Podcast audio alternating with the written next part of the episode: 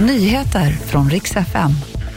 Mm, stanna inne om du kan, så säger Trafikverket om dagens väder. Och så ska det handla om artisten som hamnade i fyllebråk på ett flygplan som slutade i inställd avgång och fyllecell.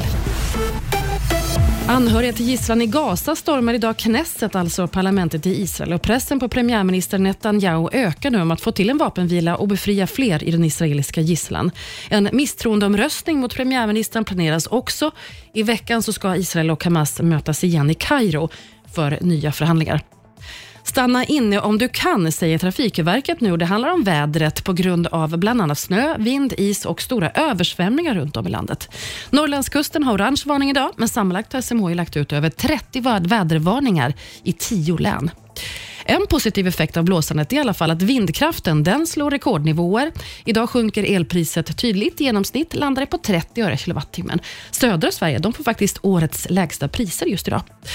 Det ska handla om Samantha Fox. Hon har blivit gripen efter ett fyllebråk på ett flygplan. Hon hamnade i storbråk med en passagerare vid Heathrow i London.